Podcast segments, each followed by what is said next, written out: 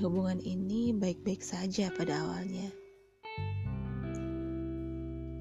Hingga sebulan kemudian, aku mengetahui sifatnya posesif. Posesif yang aku pikir gak masuk akal. Dia cemburu. Jika aku pergi dengan teman-temanku, bahkan dia tetap curiga dan cemburu, walaupun aku pergi bersama keluarga. Aneh sih. Tapi yang ada di pikiranku saat itu, ah, mungkin ini tandanya bahwa dia terlalu menyayangiku.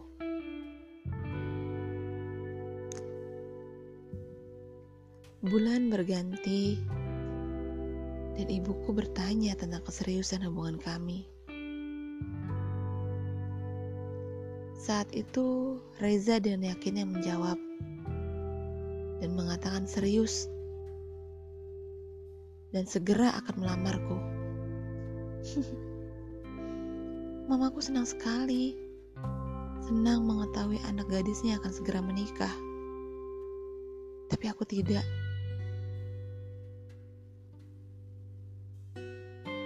Gak tahu kenapa perasaan aku pada saat itu gak bahagia.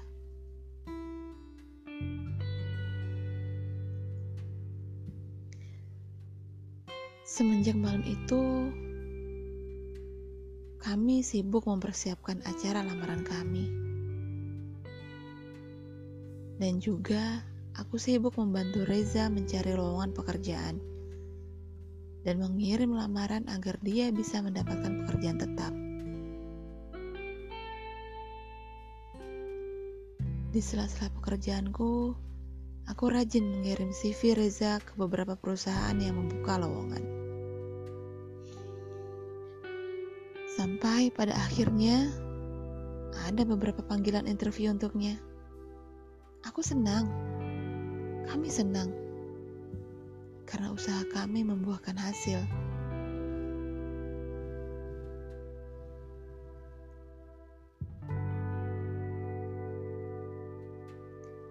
Singkat cerita, kami melaksanakan acara perkenalan keluarga dan lamaran di rumahku serta menentukan hari pernikahan kami. Pada saat itu, terjadi kesepakatan keluarga bahwa empat bulan lagi kami akan melangsungkan pernikahan.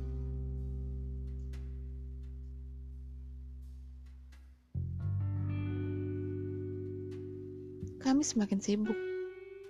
Keluarga pun ikut membantu.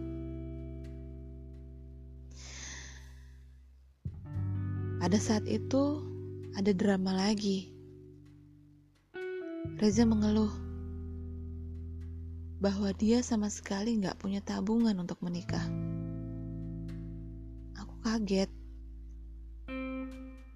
Dia baru bilang bahwa dia dan keluarganya sama sekali nggak punya persiapan apa pun.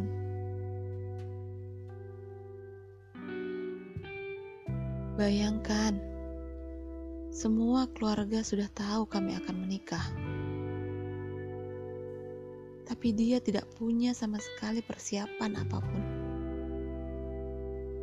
Tapi akhirnya tetap aku terima. Dan aku rela habiskan tabunganku selama ini untuk acara pernikahan kami.